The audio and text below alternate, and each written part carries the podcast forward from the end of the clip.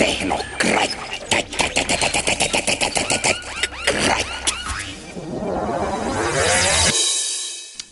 nii, tere kuulama Tehnokratti, mina olen äh, nagu sellisel puhul tavaks saanud Pets ehk äh, Peeter Marvet.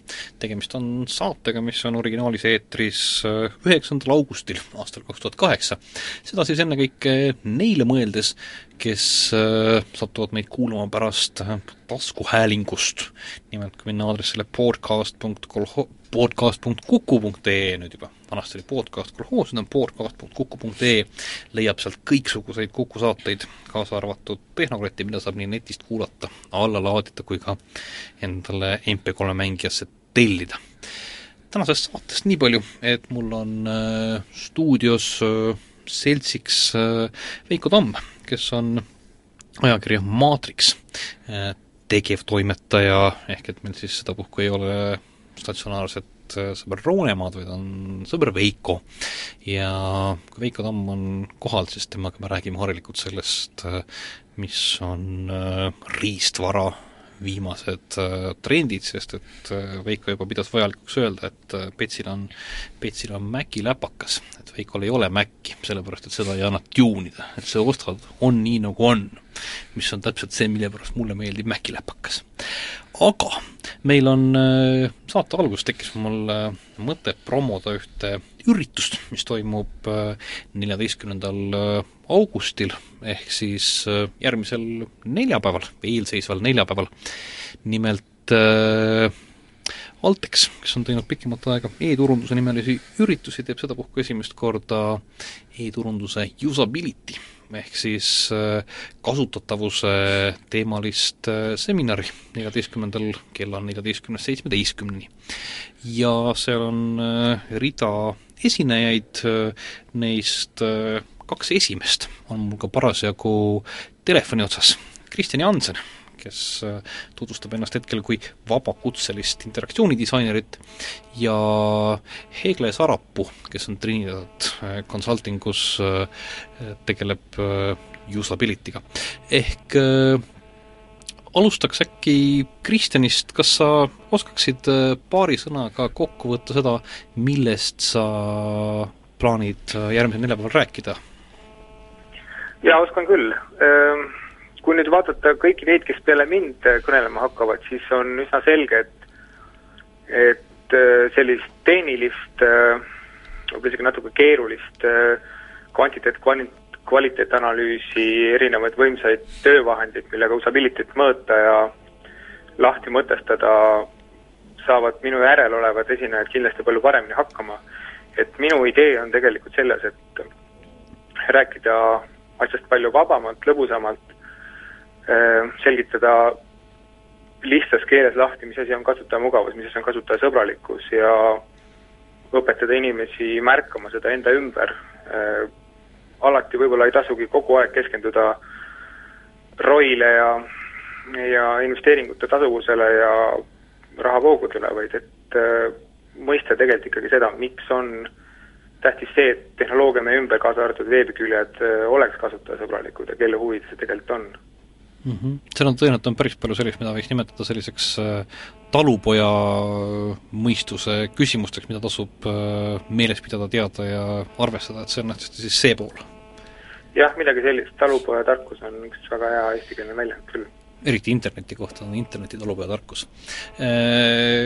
Hegle, millest, millest sina räägid? tere ka minu poolt. mina räägin sellisel teemal nagu kasutatavuse analüüs ehk kasutajate tundmaõppimine ja seda just sellepärast, et iga inimene tajub maailma natukene erinevalt. Ja me ei saa rääkida kasutatavusest kui sellisest üldisest suurest ja täpselt samamoodi tehtavat teemast. ja, ja vastan siis sellistele küsimustele nagu kuidas ja mida tulevatelt kasutajatelt küsida ning kuidas siis sellest kogu sellest suurest infost saada siis täpselt need õiged järeldused, et hiljem disaini teha mm. -hmm. lisaks Kristjanile Heglele on esinemas veel Mihkel Jäätma, kes räägib sellisest asjast nagu silmaliikumise jälgimisest mis on üks asi, millest millega pole vist varem Eestis palju koha pealt tegeletud, ehk et mida inimene tegelikult veebis vaatab, kas ta vaatab seal Postimehe Delfis seal kõrvalt reklaami või mitte, Aivar Paalberg, Paalberg ja Martin Soolo räägivad usability analüüsi praktilise kasu tuvastamisest Enteri kogemuste alusel ja Altexist Epp-Kristiina Keerov ja Karol Tikkelpi räägivad sellisest tööriistast nagu seda Morae, mis on mõeldud selleks, et analüüsida, kuidas äh, kasutajad äh, mingisugust rakendust äh, kasutavad. Ütlen siinkohal aitäh Kristjanile ja Heglele pisikese sissejuhatuse või eel, eelinfo eest ja olgu mm, lahtiühenduse, lahtiütluse mõttes ka lisatud, et Pets on Altexiga seotud, ehk et ma promon asja otsapidi, otsapidi sellepärast, aga rohkem sellepärast, et äh, kes on Tehnokraati kuulanud, siis äh, kasutatavus on äh, pikka aega olnud üks minu selliseid isiklikke südameteemasid, mida ma olen üritanud torkida. Ja mul on väga tore, et on tekkinud Eestis inimesi, kes sellega tegelevad, on tekkimas kompetentsi äh, nii talupojamõistuse kui ka erinevate tööriistade vallas. ehk siis neljateistkümnendal äh, augustil kella kahe ja viie vahel pärastlõunat on äh, Altexi äh, e-turunduse seeria Usability üritus.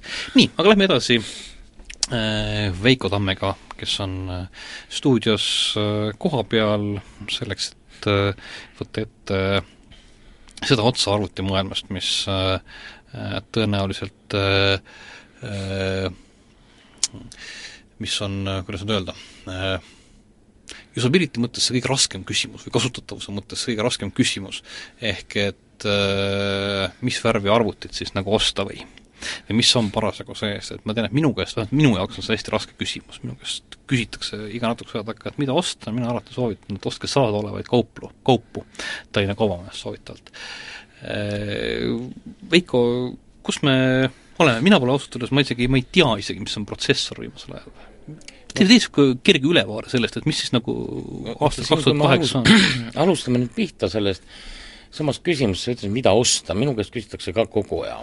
mina esimese vastusena küsin vastu, et aga palju sa tahad selleks raha kulutada? ja teiseks, mida sa sellega teha tahad mm? -hmm. Need inimesed vastavad muidugi käbe-kähku kohe, et hästi vähe, nii vähe kui võimalik. ja kõike teha? jah, aga kui sa siis äh, täpsustad talle, et noh, et aga väga vähe maksva auto saab näiteks mingi roostes sapaknässi näol, eks ole, oi, oi, oi, oi, oi, seda ma ikka nüüd ka ei taha, eks. ta võiks olla nagu odavam Audi selles mõttes, odavam uus Audi, eks ju. aga, aga siis tulebki vaadata, et äh, mida sa teha tahad, sest äh, noh, tihtipeale näiteks otsustab arvuti ostu üle keegi teine, kes ei kasuta. ja näiteks väga kurb on, kui äh, kodus laps lõpuks vanematelt välja lunib, et noh, ostame nüüd siis koolimineku puhuks mulle arvuti ja ta on juba parasjagu suur kaelakandev jurakas juba, tahab mängida neid samu mänge, mida sõbrad kõik vahvalt mängivad, ja siis ostetakse talle siis see odav arvuti, millega ta tegelikult peale interneti surfamise midagi teha ei saa.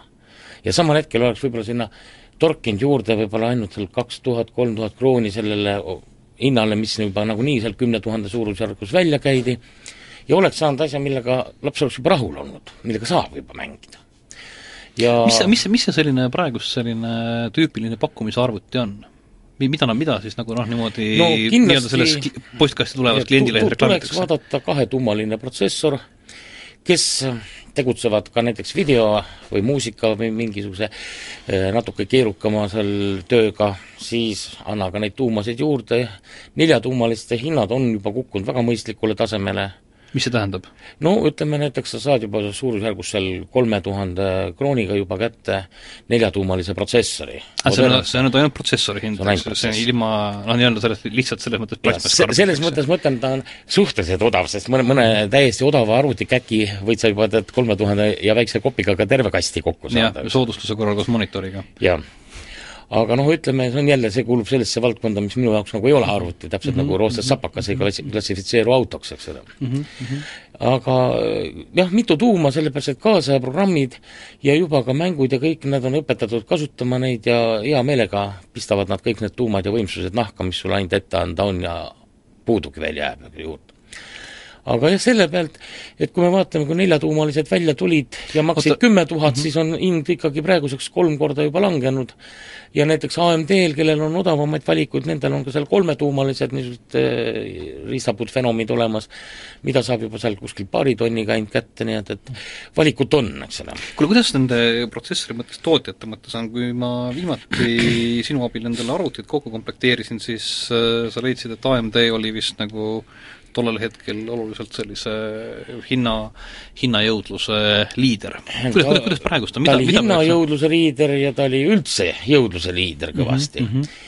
Intel ajas küll üles sellist näitajat nagu äh, gigahertsi, aga samal hetkel toimus ka selline paradoksaalne nähtus, et et temast äh, tervelt gigahertsi võrra aeglasemad, sedavõrra ka jahedamad protsessorid tegid talle aga jõudlustestides lihtsalt ära mm. -hmm. aga nüüd olukord muutus, Intel koukis uuesti oma tagataskutes natukene ringi, unustas siis selleks ära ja avastas uuesti Ameerika, nagu öeldakse, et eh, ainult see megahertz ja gigahertz ei ole see, mis näitab, vaid just see protsessori jõudlus on see, mida inimene osta tahab. ja siis otsiti välja vana tuntud headuses Pentium M protsessori arhitektuur, kobestati seda, muditi, tehti teda paremaks vaikselt, pisitasa ja siis nüüd juba kaks aastat eelmise või kahe tuhande kuuenda aasta juulis, kui äh, välja tuli nüüd need Core kaks Duo seeria uued protsessorid, on kiiruse kroonid noh, vaieldamatult äh, praegust äh, Inteli käes mm. -hmm. no nendel on ka need gigahertsid kõrgemad ja kõik, aga, aga kui, kui me vaatame ka takt, taktilt paneme kõrvuti, nii et ütleme, võtame selle kiirema Inteli protsessori kellameda alla, AMD-ga võrdsele nagu kellale. no siis nad on enam-vähem jõudlused võrreldavad ja, ja sellepärast äh, on üks pudelikael, nimelt see on see vana FSB no ühesõnaga Vene, Vene luureteenistus? jah, ta on sama nimi, seesamanegi nimetatakse teda esisiiniks, ehk ühesõnaga see kanal, mille kaudu protsessor mäluga suhtleb mm -hmm. ja mälukontrolleriga ja vot see on selleks komistuskiviks, mis nüüd siis seda maksimaalselt võimalikku veel paremat jõudlust eh, lihtsalt nagu pidurdab. Aga noh, siin võib juba nüüd ohutuseks öelda, et kui näiteks AMD kolis juba oma esimeste nende Athlon eh, XP protsessoritega mälukontroll, kontrolleri protsessori sisse, või Athlon kuue nelja, nelja puhul, siis Intelil oli see siiamaani väljas, aga noh, olukord nüüd muutub, selle aasta lõpuks on tulemas selline juudi nimega protsessor Nehalem. Aga noh, siin ei ole muidugi Iisraeliga midagi tegemist, nagu tead, enamik eh, Inteli koodinimedest kõik on pärinevad kuskilt sealt eh, Ränioru piirkonna geograafilistest leidudest ja see Nehalemi nime kannab üks jõgi seal hmm.. No. ja tema puhul on nüüd siis tegemist jälle ühe taasavastatud asjaga, kunagi võttis Intel kasutusele selle virtuaalse kahe tuumalisuse. et meil oli üks protsessor, aga ta jooksutas nagu kahte triidi, kahte lõime paralleelselt ja siis ta tõi nagu lisaks lisajõudlust sinna juurde. Nüüd Nehalemitega tulebki see, et Nehalemid tulevad, toovad selle uuesti jälle täiustatud, arendatult kujul tagasi nii et kui meil on tegemist kõige suurema protsessoriga, mis on hetkel plaanis ette nähtud, kaheksatuumalisega, siis virtuaalselt me näeme juba seal nagu kuuteteist tuuma mm. -hmm. Nemad on esialgu ette määratud tulema ainult serveritele, tavaline lauakasutaja peab siis piirduma neljatuumalise ehk virtuaalse kaheksa protsessoriga. oota, aga räägi mulle nüüd, kui ma lähen poodi, siis ma, mis seal nagu karbi peal kirjas on või? kui ma, oletame, et ma ei osta nagu seda protsessorit eraldi, ma ostan mingisugust arvutit. mõni aeg tagasi oli nagu lihtne, oli mingisugune jah, nagu Pentium ja megahertsideks, praegust äh, kui ma vaatan ka läpakaid, siis äh, seal on ikka mingisugused seitsme tuhande kahesajad ja viie tuhande neljasajad ja mul on õudselt raske pihta saada, mis asi, mis asi on või? mida, mida siis lauaarvutile peaks nagu, mis seal sees peaks olema, mis selle nimi peaks olema seal selles äh, kirjelduses? no lauaarvutil seda nime nagu ei kajastata, aga kui me vaatame sealt noh, protsessori spetsifikatsiooni mm, -hmm. siis Inteli puhul on tegemist kas E ja siis kaheksa tuhande seeria protsessoriga, need on nüüd nagu kõige modernsemad ja viimasemad. või siis, kui on neljatuumalistega, siis on Q täht seal ees. Ja kellel muidugi raha jagub, siis võib osta, eks ole, ekstreemset, see on siis QX protsessorit mm, -hmm. see on, need on maailma kõige kiiremad, sel hetkel on see üheksa tuhat seitsesada seitsekümmend ja minul ta töötab rõbusalt kolme koma kahe asemel nelja gigahertsi peal mm -hmm. ja ta on ikka tõeline loom, aga noh, tema hind on meie turul eeldatavasti kuskil umbes kahekümne tuhande krooni kandis. protsessori hind. kuule, aga nagu norm-, normaalse niisuguse noh, millega nagu ei peaks häbenema otseselt mängida, no siis mis üks selle väga super hea jõudluse ja kõigega protsessor, mida Intelilt vaadata ja küsida, oleks E kaheksa tuhat nelisada. ta on hinna poolest juba alla kolme tuhande ja tal on jõudlust on tal nagu loomal taga tegelikult, nii et et kui hakata midagi nüüd ehitama normaalselt ja kaasaegselt, siis just selle uue E kaheksa neljasaja peale, tal on üks lisaomadus veel, nimelt see on nüüd see uus neljakümne viie nanomeetrine tehnoloogia, mis kasutusele võeti koos selle HiK pluss metal tehnoloogiaga.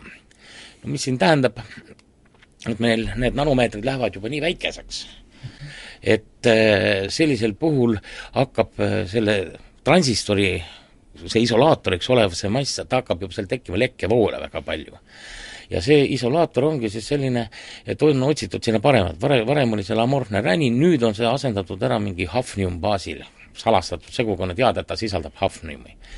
ja see andis võimaluse jätta samad taktid ja kõik asjad eh, samaks kiirused, aga vähendada lekkevoole viis korda aga põhiline asi, mis meil seal protsessoris seda kuuma teeb ja mida me siis peame nende valjuhäälsete vurridega maha jahutama, ongi just see lekkevooludena eralduv soojus, see tähendab seda ka, et need uued protsessorid on viis korda jahedamad.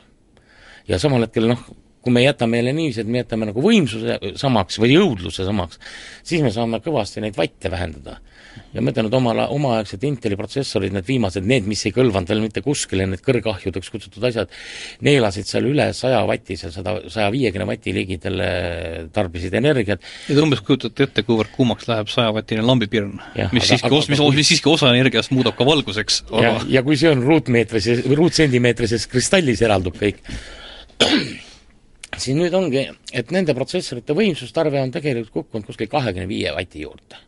ja samal hetkel nende jõudlus on samasugune nagu tollel omaaegsetel saja viiekümne vatistel. aga kui me võtame nüüd seda nii suurt röögatut võimsust vaja ei ole, no saame piirduda pisemaga, vot siis me jõuame selle uue põlvkonna Centrino kaks juurde. Need läpakad on tulemas ja vot sa küsisid, mida soovitada osta mm. -hmm. Siis lauaarvutil võiks olla E kaheksa tuhat nelisada jäi mulle silma, nii? jah, kui raha on rohkem, siis võtame paremat, see võib olla kuutähega, jah? jah. Nii, aga okay. kui me võtame läpakat, siis vaatame sealt, kus on peale kirjutatud juba Centrino kaks. see tuli alles Centrino oli kunagi niisugune, loeti niisuguseks väga niisuguseks nagu luuseri arvutiks selles mõttes vist või? ei, see oli Celeron. ah, see oli Celeron, ai. Need, need on väga sarnased Ma-. Centrino on Inteli tehnoloogia, millega ta tuli juba välja Ah, oli kahe tuhande kolmandal see oli see, aastal. mis tuli välja, kus olid vist wifi'd ja asjad olid kuidagi jah, et sul pidi olema Inteli kiibistik, Pentium M protsessor, seesama Ahah, kuulus eh, väga hea arhitektuuriga, nagu öeldakse, viimane hea Inteli protsessor enne seda, kui nüüd nad uuesti Core kaks tuuaga selle taasavastasid mm. -hmm. ja siis see Inteli wifi kaart. no Centrino kaks tuli välja, kuidas öelda, niisugune väikese komistuskomaga, kiviga. sellepärast, et see Vimax, mida ta nüüd sisaldab, ka Wi-Fi Vimaxi ühendatud kaarti, sa ka nagu oled ju meil siin suur tradituse sõber, eks ole, siis see teema peaks sind ka huvitama. seal olid natukene probleemid, aga noh, protsessor ise on nüüd eh, läpakate jaoks ka seesama neljakümne viie nanomeetri tehnoloogiasse viidud asi Eh, ja läpakaprotsessorite, need madalamad eh, voltaažid on juba seal, lähevad täitsa eh, no ikka seal mõned vatid ainult tarvitatavad voolu aga nüüd, mis selle Centrino kahega ja, ja Vimaxiga, kui seal nüüd seda Vimaxit küljes ei ole, siis on äh, selline olukord, et noh, ega meie ostja veel hetkel ei pea kurvastama, sest Inter ütles, et vot kahjuks on Euroopa Liidul see seadus, et meil ei ole kahe koma viie gigahertsi ala vabaks kasutuseks antud, litsenseeritud ei ole ja seda ei tule enne järgmise aasta lõppu. loodetakse, et kuskil aastaks kaks tuhat kümme eh, saame me selle Vimaxi leviala ka kasutusse võtta aga, aga noh, iseenesest muu süsteem on väga hea ja mis, kui nüüd protsessorite pealt edasi lähme ja nendest vattidest lõpetaksime ühe sellise huvitava protsessoriga, mida varem kutsuti hõbeokkaks, Silverthorn, koodnime all oli nüüd välja tuli ta nimega Intel Atom. vot see on niisugune tõeliselt fantastiline leiutis, ütleme nii, et see on väikene pisike kiibikene, mille sisse on ära mahutatud ka graafikaprotsessor, kõik need IO-d, värgid, möllud, kõik istuvad ühes pisikeses protsessoris ja kokku tarbib see asi täisjõudlusel töötades, nii palju koormates, kui talle annab ülesandeid ette anda, ainult null koma viis vatti. Oota, kas see on mingisugune niisugune komplekt, mida sina ka kasutaksid või? või see on lihtsalt, on ta niivõrd vähe voor-, paistab silma sellega, et ta vähe ei no vaata, siin ongi jälle küsimus, kõik on koos, kas seal nagu, noh nagu mängil saab või? ei, ei, ei, vaat kui me alustasime sellist äh, juttu siin, et me rääkisime kahest asjast, eks ole, et esimene, et mis see maksab mm. -hmm. Ja teine punkt, sinna nagu ei olegi jõudnud veel, eks ole, et mis sa sellega teha tahad mm. -hmm. ja kus mina kasutaksin, loomulikult näiteks eh, mobiiltelefon, mis mul on, seda mina kasutan helistamiseks mm. -hmm. ja uuematel telefonidel sinna pannakse sisse, et sa võid seal, ma ei tea, surfata ja mida kõike teha. aga ütleks, noh, et vanad silmad juba ei viitsi seda kribuasja lugeda ja kogu aeg edasi-tagasi paremale-vasakule scroll ida, no see ei ole riist, millega lugeda, eks ole. samal ikka sülearvutiga on nüüd selline asi, temaga tore asi. aga sülearvuti on jälle ta ega ta kaua ei ela sul. ja ütleme, ta on küll mobiilne asi ja nüüd räägitakse uhkelt, kuidas tänu nüüd selle Centrino kahele ja, ja veel paremale energiasäästule me saame juba akusid pikendada aku pealt töötamise aega seal viie tunnini ja kuue tunnini isegi. no see juba hakkab midagi kõlama. ja teiselt poolt, aga ta on ikka natukene liiga suur. vot sellised PDA-de tüüpi asjad on nüüd tulemas, need nimetatakse nüüd UMPC, Ultra Mobile ehk ülimobiilne PC ja siis on Intel eh, pakkus selle nime välja ja praegust on enamik neid niisuguste pihukirveste, nende PDA-de tootjaid on juba selle ka usinasti omaks võtnud, on Miid. kuna internet levib igale poole, siis tuleb sul niisugune hästi üliõhukene, hästi väikese voolutarbega asjakene on sees, kes oskab naksti kuskilt mingisuguse traaditu ühenduse leida, ja siis ta annab, kuvab sulle sealt pilti, sa saad seal interneti ette, sa saad surfata, sa saad Google'iga otsida, sa saad Google Earthiga vaadata, kus sa seal oled, sinna peaks sisse tulema näiteks ka osadel mudelitel, mis natukene kallimad, on GPS-i moodul. Ja kuna voolutarve on niivõrd väike, siis tõesti see, see mikroriistakene töötab sul näiteks kaksteist tundi, ühesõnaga sa võid rahulikult ringi käia, see on sul nagu teejuht, giid Veiko tuleb... selle jutu kõrvale viitab oma, enam-vähem oma särgi tasku peale, kui suur see hakkab olema, see hakkab niisugune selline no need pihukas olema või? Äh, näi-, näidismudelid, mis on olnud, on nii, et kõige suuremad juba need äh, UMPC-d lähevad seal juba vot selle EEPC, mis see kuulus asuse mikromasin oli, umbes sinna suurusjärku välja, kuskil viie, kuue, seitsme tollini. ja algavad nad noh, kui väikest keegi osta tahab, eks ole, noh. mõni mhm. noorus teravate kirkate silmadega, tead, loeb sulle rahulikult ka seal kahe koma nelja tollist ja ütleb, et ajab asja ära kõik see asi. aga noh, ta tuleb just, et ta on kerge, ta on õhuke, et vot panedki niiviisi taskusse ta sinna, tal ju see on niisugune kobakas, mida sa pead kaasas tassima, daamidel ridiküli sopsti sinna kuskile puudridoosi ja peegli vahele, sops mahub ära, eks ole nii et, et ta on tegelikult praegusel interneti ja sellisel ajastul on ta niisugune väga, väga kasulik riist tulemas.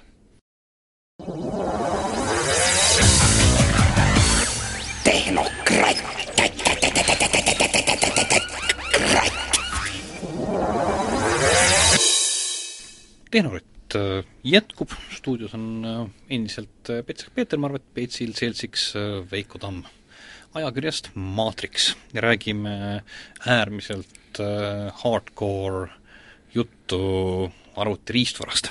ehk sellest, mida tegelikult äh, võiks või peaks või tahaks äh, osta mm,. me ennem rääkisime igasugustest keerulistest numbritest, ütle mulle üks nüüd mingisugune siis niisugune hinnajärk ka ära, et millega siis nagu kõik selle kokku saab E kaheksa tuhat nelisada ja ja mis iganes see tuli, vanasti oli niisugune valem, valem, et äh, vinge arvuti on läbi aegade maksnud äh, tuhat dollarit, kas nüüd, äh, kas see kehtib ka praeguse dollari kursi juures või? jah, ütleme nii, et kümnest tuhandest alates saame juba sellise kasti, millega me saame juba tööd teha, seal videot vaadata, mis ei lonka ja ei jää asja, elule jalgu nagu. Mis seal siis on, seal on nii-öelda seesama mingisugune E kaheksa tuhat nelisada protsessor, no siis ütleme neli giga mälu, ka seal lauaarvutisse, kui me mm -hmm. räägime, ja ega sülearvutil ka see mälu midagi paha ei tee, kuna mäluhinnad on nii katastroofiliselt kukkunud mm -hmm. hetkel, siis tõesti, neli giga on äh, minu poolt soovitus, eriti kui teil on tegemist sellega, et teie masinas elab Vista sees. sellepärast, et ühte hullemat äh, mäluõgardit ei ole ikka, ei ole elus ette kujutada, kui on äh, Windows Vista, tema paneb selle kõik nahka, mis talle ette antakse. ega XP-ga vist enam osta ei õnnestu või? Ei õnnestu. mõne, mõne, mõned asjad ma olen vaadanud kusagil ikka liiguvad XP-ga ka veel või? jah, üksikuid, aga no Microsofti suur surve on ju see, et ta tahtis juba nüüd äh, lõpetada ametlikult ja ta ongi lõpetanud ametlikult äh, XP müügi mm. -hmm. mõned suuremad firmad, edasimüüjad, kes on jõudnud ladudesse varuda, saavad veel neid müüa ja jätkata, aga üldiselt on jah see, et äh, Vista on see igaldus, mida me peame taluma senikaua, kuni see Windows seven ehk uus järgmine versioon kas järgmise aasta lõpupoole või kaks tuhat kümme siis kuskil kohale jõuab. kuule, kas ma peaksin ikka nagu siis proovima XP-ga arvutit võtta või? jälle on, on seal, on seal no mida, mida annab midagi? see Vista juurde, võib-olla on see, et m- mõnedele masinatele, kes on allunud nagu rohkem äh, Microsofti diktaadile, neil on nii, et neil ei olegi XP-le üldse drivereid saada mm.. siin isegi näiteks suured tootjad nagu HP ja Dell ja nii kaotasid üldse osad mudelid ära, et ainult Vistaga on võimalik osta ja sa ei saagi Vista drivereid. XP. või XP drivereid, jah. aga noh, tänu sellele, et rahvas väga kurja häälega protestima hakkas, siis eh, tekitati ikka XP drivereid ka nendele juurde ja aga noh, paratamatus on see, et eks ta läheb täpselt samasugune. Suur vastuolu oli ju, mäletad, kui XP mis sul, sul jookseb, sul jookseb Vista minul on Vista Ultimate endal. Noh, rauda jagub alla ja mm, -hmm, ja siis mm -hmm. ei ole no põhimine, kus vist see igaldus pihta hakkab, on see, kui inimestel on protsessor nõrgaks jäänud ja kui inimestel ei ole mälu masinas. seda noh, see on täitsa anekdootlik vaadata, isegi suured tootjad, nad panevad sinna Vista peale ja mälu pannakse siis pool giga või üks giga mm. -hmm. no see on küll niisugune kokkuhoid, ma ütlen kohe, tead, et esimese asjana pange vähemalt kaks giga sülearvutile mm. -hmm. ja no natuke jaksab, tasuks ka neli panna sest vahepeal oli neli, oli natuke väga kallis panna, need kahegigased moodulid mm. -hmm. aga hetkel on jah, neli giga on juba kukkunud. ja kõvaketast mingisugune siis no jälle küsimus on selles, kui palju teda hoida, aga hetkel näiteks on nii, et viiesaja, neljasaja, kolmesaja gigaste ketaste hinnavahed on seal ütleme mõned kümned kroonid et mm -hmm. siis tasub panna nagu see, kõik see suurem sinna juurde. seitsesada viiskümmend on juba oluliselt kallim ja terane juba läheb äh, ikka ligi kolme tuhande krooni juurde mm. -hmm. üle kahe poole tuhande krooni. viissada, viissada gigaketast järelikult jah, aga kes näiteks tegelevad näiteks juba videoga või värkidega -hmm. või kas või ütleme, kaasaegsed mängud installeerid selle mängu ära, mis tuleb, ta saabub juba ise kohale kahel-kolmel DVD-l isegi, ja siis need patch'e värke, mis juurde tuleb varsti, vaatad, su mängulammoonekas on seal juba viiskümmend giga, on üks ainke mäng, noh. kui sa neid sinna rohkem paned, siis tead, ruum on otsas nagu klõpsti Mm -hmm. ja teadupärast on internet ka selline asi, mis kõik ka kätte salapärasel kombel ära sööb, isegi kui ei ole tegemist väga suurte piraatidega või kõigega, aga ikka õnnestub seda noh, nõndanimetatud interneti asja endale nii palju masinasse tõmmata, et ruum on salapärasel kombel ära kadunud. jah, internet järjekordselt äh, süüdi. okei okay. mm,, üks asi, millest, mida me üldse selle juures ei puudutanud, on äh, see, millest ma tean, et sa alati erilises silmades kirgava sädemega räägid, on graafikakaardid või? Et selles mõttes, et kas selle kümnetonnise hinna sisse mahtus ka mõni graafikakaart juba või? jah, praegust on tänu sellele, et siin graafikamaailmas on meil samuti kaks sikkusokku purde peal, nii nagu Intel ja AMD protsessorite peal on kaklevad Nvidia ja ja ATI, noh ka AMD tegelikult, ütleme nüüd. ja, ja siin on just see, et eh, kuna AMD on noh, rahalistes raskustes pärast seda liiga suure tüki ATI äraostmist, eks selle siiamaani vaevleb, sest see oli, see viis miljardit oli talle ikka niisugune päris korralik pauk. siis, siis nad püüavad lüüa just hinnaga. Ja, ja teevad sooduskaarte. Ja kui, kui ma nüüd testisin kahte kõige viimast mudelit, kõige uuemat, mis on Nvidial on see GTX kakssada kaheksakümmend ja ATil on siis neli kaheksa seitsekümmend HD, siis võiks öelda nii, et noh, natukene mõnedes testides suutis kakssada kaheksakümmend kiirem olla, mõnedes suutis äh, Ati jälle kiirem olla, aga kui me hindasid vaatasime, siis väljatuleku hetkel maksis äh, Nvidia kaart seitse tuhat üheksasada üheksakümmend viis krooni ja Ati maksis kolm tuhat üheksasada üheksakümmend viis. Hmm. ehk kaks korda vähem siis hinna ja võimsuse, ütleme nagu see performance'id selle dollari eest on Atil kõvasti üle aga kui me nüüd ei vaata neid kõige kallimaid kaarte, siis näiteks järgmine mudel, mis on eh, kakssada kuuskümmend Nvidial, eh, see kaart on ka nii, et ta teeb tule alla võimsalt vanadele kaheksa tuhat kaheksasada GTX-idele ja nendele eelmise põlvkonna tippudele. selle, selle hinnaklass on siis mingisugune ja see on nüüd kolm tuhat üheksasada üheksakümmend viis, ehk sama palju kui Ati tippkaart mm. -hmm. ja Ati samasugune ja Ati samasugune maksab juba kaks pool tuhat mm. -hmm. ja kusjuures see kaart ajab, see kahe poole tuhande eest saadav neli tuhat kaheksasada viiskümmend, ajab ringi ükskõik millised äh, või-, võimsad äh, mängud ja kui võimsate monitoride peal, noh mm -hmm. kui just ei ole tegemist, ütleme siin tõesti kolmekümne tollisega, siis jah, jah, jah, räägime, räägi, räägimegi monitorist, ma vaatasin, käisin üks päev äh, Võiksil külas ja Võiksil oli äh, monitor, mis oli mõnevõrra suurem kui minul aken. vähemasti igal juhul suurem kui mul televiisor, aken on mul vist üks suurem ka aga mis, mis nagu monitoride mõttes praegust siis on või? no monitoride hinnad on ikka noh, väga ma vaatasin, et keegi mul just küsis, et tähendab, et mingisugune, ma ei tea, arvutiga, od-, odav arvuti komplektis on kaasas seitsmeteist tolline flat monitor.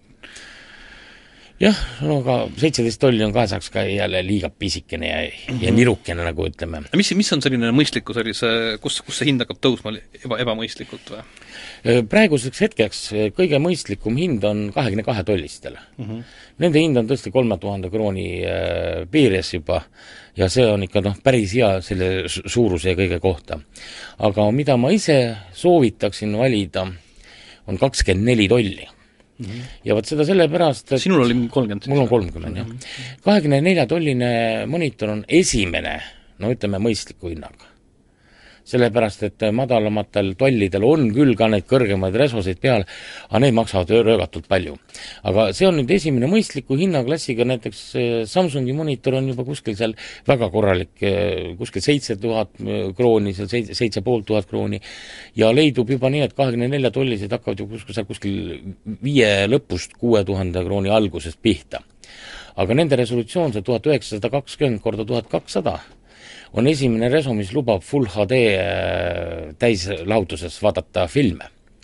ja kui näiteks on nüüd Blu-ray mängijad või näiteks PlayStation kolmed või äh, noh, kama kõik, kus meil on, kellel on juba see HD DVD, mis nüüd küll välja suri, siis äh, nende, nende, nende omanikel, kellel televiisor veel kodus ei kanna seda ja kes ei, ei raatsi veel nagu välja vahetada, noh, sai alles ostetud, eks ole, siis täisresolutsioonis saab monitori pealt filmi väga hästi ka vaadata. mm. -hmm. kuidas nende monitoridega praegust on, kas neil äh, on arvata, et kui ta on sealt nagu kolmsada krooni odavam, siis on mingi liides ära kruvitud küljest, et ta näitab küll mingit äh, monitori pilti, aga high-defi no seda, ei ole või need, need on väga, väga õnnetult nõrgad ja tuleb tõesti vaadata, et oleks DVI liigi, liides vähemalt olemas mm. -hmm. parematel juba, suurematel monitoridel on juba kõik need HDMI sisendid ja isegi see picture port, mis tulevikus tulemus on olemas, või see display port, mis võimaldavad seda uut kiiret ja seda krüpteeritud andmesidet. Sest vot kui meil on ainult tavaline VGA port, siis selle kaudu ei ole võimalik HD filme, high definition'it vaadata, maksimumiks jääb siis ainult see DVD resolutsioon selle mm? -hmm. aga no mida tuleb vaadata, on ka see, mida selle paneeliga jälle järjekordselt, mida teha. kui me ainult surfame sellega mm -hmm. veebis, vaatame võib-olla mingit filmi ja mängime mingit mängu, siis tõepoolest näiteks eh, kõlbavad need DN pluss filmid, need on kõige odavamad maatriksid, mis on monitorid, noh, ekraanimaatriksid mm. -hmm.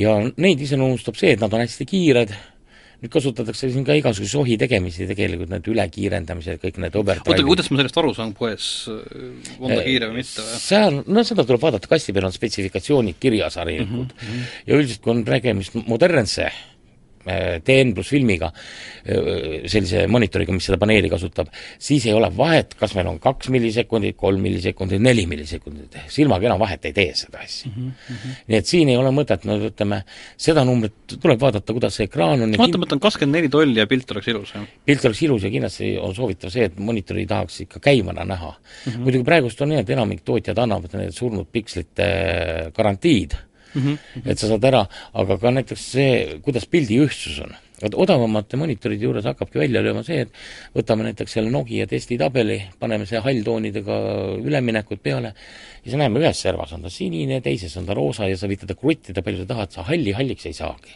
mm. -hmm. ja tulemus ongi see, et kas käivad kõik terasplekiste nägudega ringi või on inimestel jälle niisugused põrsaroosad need näod ette joonistatud. ja see on eriti tähtis siis, kui me tahame lisaks mängimisele ka näiteks midagi graafikatööd teha, pilte töödelda, fotosid töödelda mm. -hmm. sa keerad küll enda arust nüüd selle pildi õigeks, aga tegelikult värvi ta näitab sulle hoopis midagi muud, eks ole mm. -hmm. kuidas selle üldse sellise, selle praeguse monitori sellise pilditöötluseks sobivuse kvaliteediga on? selles mõttes, et äh, minu, minu senine ettekujutus on sellest siiski, mida ma olen proovinud, et ma nagu ma, siiski nagu hea meelega neid äh, selliseid noh, ütleme selliseid tarbija, tarbija hinnas äh, flat'e monitore nagu pilditööks ei kasutaks või? või oled sa nägemas, et see asi on ka muutumas või? see asi on juba muutumas, vaat kui esimesed, see oli veel aastal kaks tuhat viis vast või, kui nüüd NEC tegi maailmas esimese LED-valgustusega see on see valgusdioodidega äh,, tagantvalgustusega. ta ei ole selles mõttes mitte valgusdiood, ei kiirga seda valgust ekraanile mm, -hmm. vaid lihtsalt nende lampide asemel on taga valge valgusega dioodid, mis siis klassik-, klassik-, klassikalisel nii-öelda sellel lamekuvaril oli külje peal kaks mingisugust enam-vähem jah, ja parematel oli neli lampi ja päevavalgustoru pandud sinna, et ühtlasemalt seda valgustada mm. -hmm. aga noh, see, sealt oligi see, et nad alati kumasid servadest läbi mm. -hmm. LED annab täiesti ühtlase ja teine, tema valgusbalanss sellel äh, tavalisel päevavalguslambil, nad kasutasid küll neid igasugu luminofoore kõik, aga ta ei olnud nii puhasvalge, mida tahab äh, värvitöötleja mm. -hmm no sinul on see muidugi teada, mis on need Adobe värviruumid ja kõik on mm, -hmm. siis ütleme nii, et see odava klassi DN pluss film, maatriks, võimaldab seal kuskil viiekümne, kuuekümne protsendi ulatuses Adobe selles värviruumis ku-, kuvada seda värvi. nüüd on need LED-monitorid juba ulatuvad isegi seal äh, saja kahekümne, saja kolmekümne protsendini, nii et ta on veel laiem kui see, mida me ütleme, värvitöötluses me kasutame mm. -hmm. et need on juba täiesti arvestatavad. aga noh, siin on jälle hind aga kuidas kui..., kuidas ma ära tunnen, et see monitor, kui me jätame kõrvale selle, et ta võiks olla halli korpusega EISO selles mõttes, aga selle eest ma halli korpusega no hinna, hinna järgi tunned ära. see kõige esimene NEC kahekümne tolline, kui ta LED-iga tuli, maksis sada kakskümmend tuhat äh, krooni. no ma arvan, et selle hinna järgi ma ütlen praegust poest äh, aga no nüüd on nad alla tulnud, nüüd me saame neid, aga me peame arvestama ikkagi LED-monitori puhul vähemalt kolme-neljakordset hinda tavalisega mm. -hmm. eks kui sa ütled selles mõttes, et selline odav, äh, no normaalne kahekümne nelja tolline oli, mis sa ütlesid, mingi viied-kuued tuhanded, eks ju, siis korrutame selle julgelt kahega kuni, ja LED-i puhul isegi seal kolmega uh -huh. nii-öelda viisteist, kakskümmend aga kahega, vot siin me jõuame ühe teise vahepealse etapi juurde.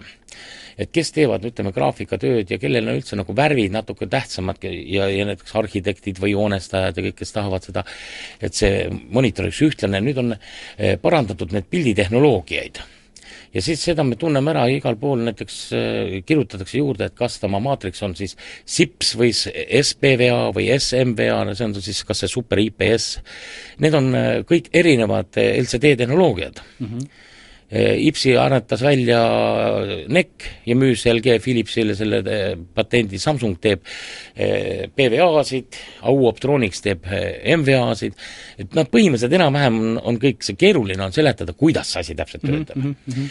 aga nende juures mida, mida peaks ostma või? mida, mida milleks või? jah, vaata nende juures on see, et neil on laiad vaatenurgad Mm -hmm. kui me vaatame tavalisel eh, mingisugusel LCD monitoril öeldakse ka, et näete, vaatenurk on sada seitsekümmend kaheksa kraadi või nii, siis mida see tähendab, see tähendab seda, et see on nurk, mille alt meil kontrastsus on kukkunud kas viie või kümne protsendini Mm -hmm. nii mm, -hmm. aga tegelikus elus me teame, vot odavamatel läpakatel näiteks ekraani sõltub sellest, kui sa kehitad ennast. jah, sa liigutad ennast, eks ole, kaks-kolm sentimeetrit ja juba kõik värvid muutuvad. veebi vaatad..., veebi lugedes pole vahet, aga ja. mingisugune punane muutub küll jah, tundmatuseni. ja, ja vot nendel eh, IPS ja MVA, PVA tehnoloogiatel on see, et vaatenurk tõsiselt püsib.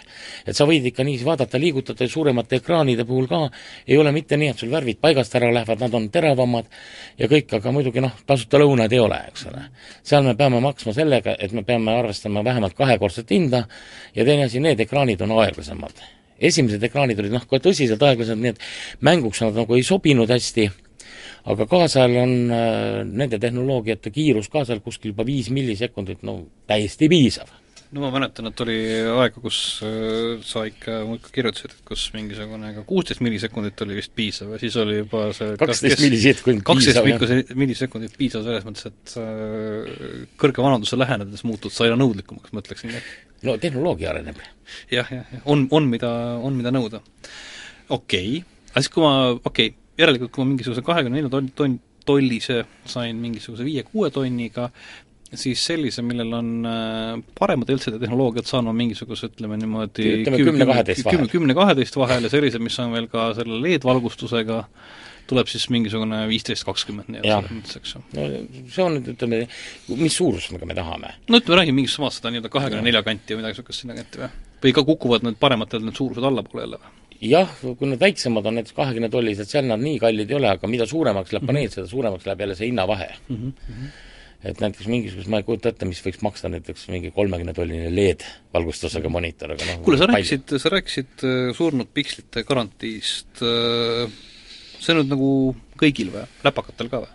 jah, üldiselt kui ma selles mõttes, kui mul on mingisugune läpakas, kus on nagu garantii ja piksel on kutu, siis mis nad teevad? vahetavad vahetavad välja lihtsalt jah, aga äh, praegust ongi see, et tegelikult tuleb alati, lugeda ka tootja poolt antavaid Aha. andmeid.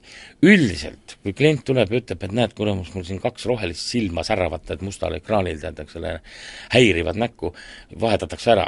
aga muidu nende surnud pikslitega, kes lubab seal näiteks kahte, kes kolme surnud piklit mm -hmm. monitori kohta, Samsung oli nüüd esimene, kes tõstis oma kvaliteedi nii kõrgele, ütles, et nemad ei luba ühtegi mm.. et kui on surnud piksel, siis me vahetame kohe ekraani ära. Ja nüüd on enam-vähem peaaegu kõik sinna kaasa läinud sellega ja eks need müüjad ka teavad, et seda saab kõike garantii korras ju tagasi saata. et miks me peame siis inimest kiusama ja klienti vihaseks tegema mm. -hmm.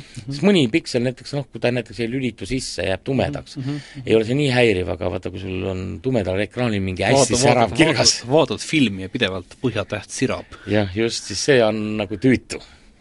ahah, ahah, ahah okay.. ja muidugi, mis on tulemas ka nüüd, aga jälle viivitub, on see OLED mm, -hmm. orgaanilised valgusdioodid mm. -hmm. see on nüüd, see praegust äh, hind on Neid kasvatatakse alles?